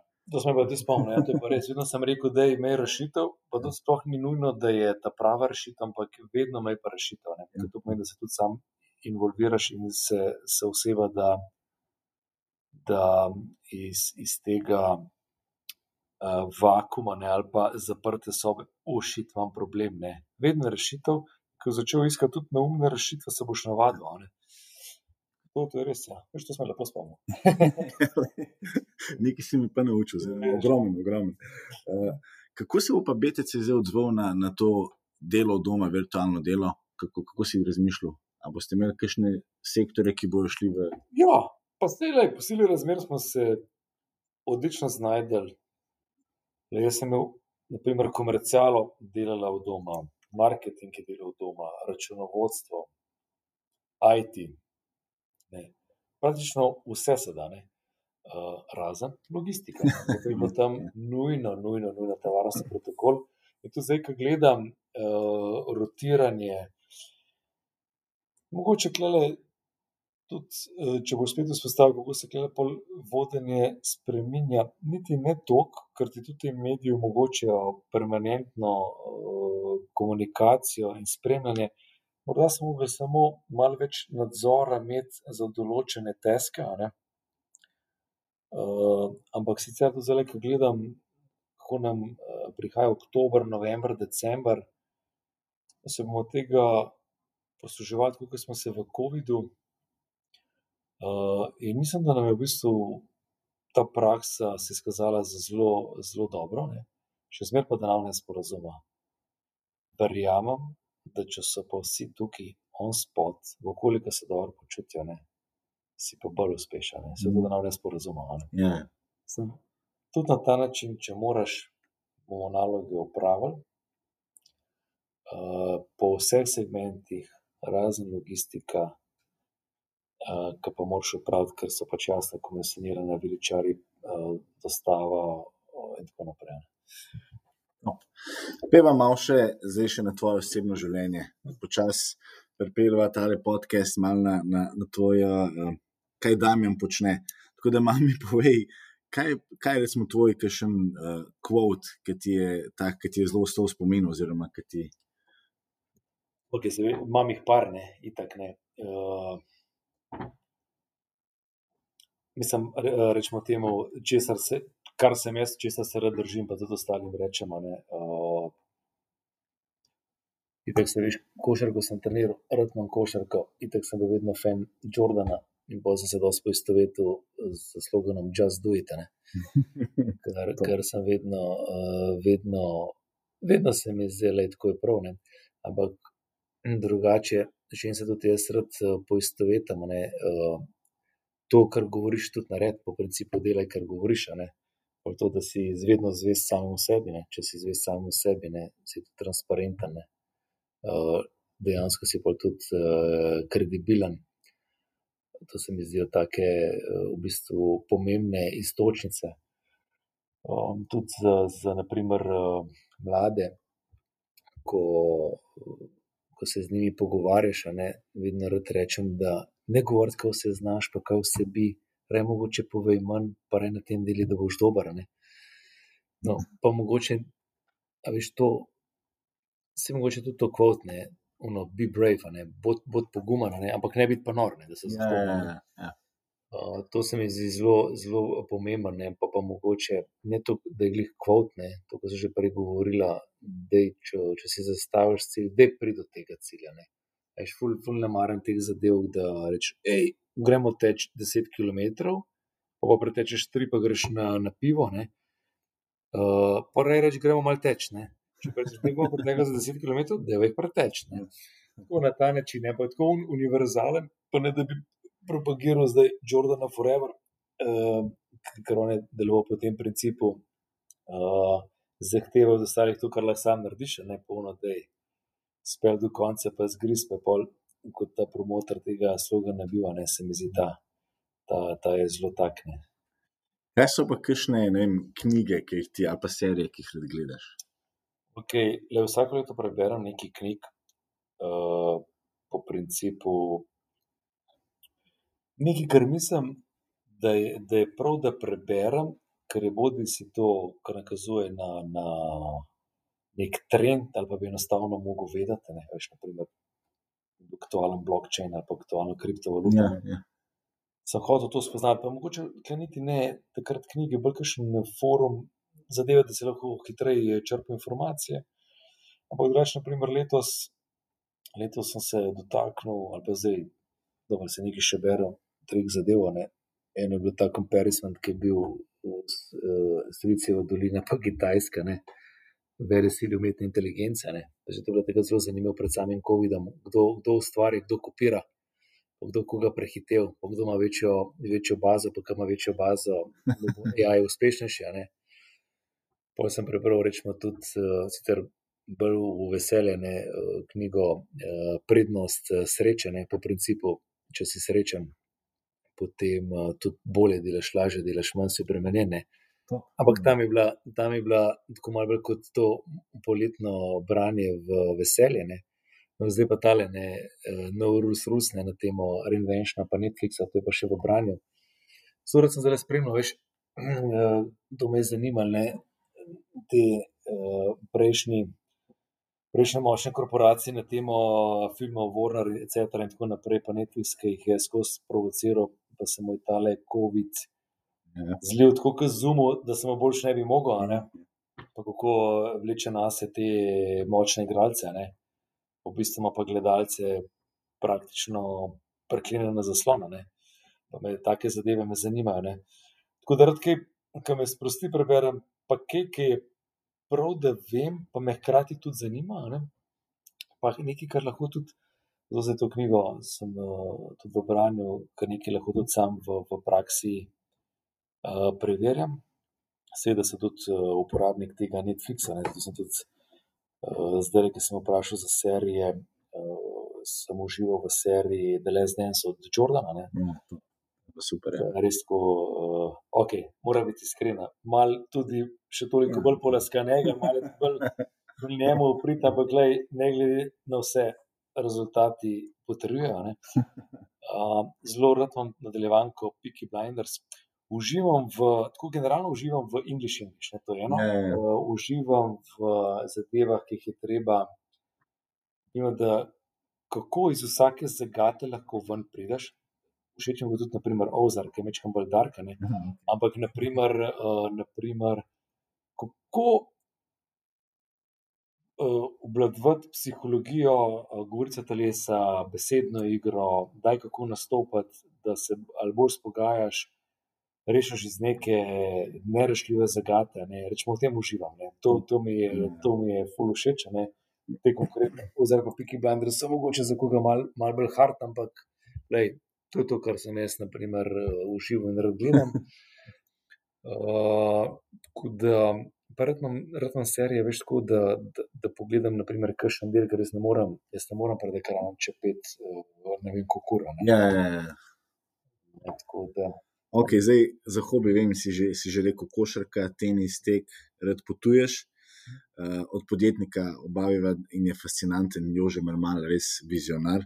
To, veš kaj, to, to pa res ne. Uh, ko pomisliš, ne, a veš, lahko, lah, ko gledaš okolje, kaj, kaj ljudje, na primer, povejo, pa še obožujejo Brensa na poln, pa tret pa jih naštevaš. Ne, yeah. Ja. jaz, jaz iskreno moram povedati, dejansko on. Ne. Watch you see what you get, ne. Uh, z, z njim sem skozi skrbel, še zmer delal, full užival, ne glede na zdaj različne vloge. Yeah. In uh, to zdaj, ne, kot sem rekel, ne, novodobni ceoti, ne, bod inovativen, prodoren, podjeten, pa hkrati strukturiran, s čimer se tudi sam znam poistovetiti. Uh, ampak na nek način je bilo to tudi to. Veš, in, in tako, kot rečeš, naj podjetnik, on je, kot končni fazi, tudi klasičen ne moreš biti menedžer, ne moreš biti podjetniško naravnan. Ja, ja. Kako misliš, da je pomemben, oziroma je pomemben faktor, da, da imaš nekega mentorja v karieri, da dejansko da ti pomaga? Ogromno, ja, mislim, lej, jaz mislim, da sta dva menika. Ne. Eno je že družinsko okolje, ne, če imaš to srečo, da te veselijo iste zadeve, kot so podobne, kot so starše. Ne. Pa se pogovarjaš, pa da nimaš samo vlogo klasičen starš, pa otrok, ampak je tudi, da te neko vredno jemljajo in poslušaš in tudi to slišiš. To srečo sem res, povem, drugič, neizmerno jaz. Ne? Drugo pa, da ki začneš delati, ki si, lej, tudi če si največji frajer, najbolj odločen, najbolj zaletav, ali pa obratno, če si najbolj previden, najbolj bogoboječ, najbolj yeah. Ja. ne vem kaj, se res, kako se reče, careful, ne, na koga naletiš. Ne? In potem, ko naletiš na nekoga, ki ti daje širino, pa ti postopno dozira zadeve, in potem lahko z njim dlje časa delaš, in je ta oseba tudi tvoj mentor. Ne? Če se ti to poklop, je super. Ne? In jaz sem to srečo imel.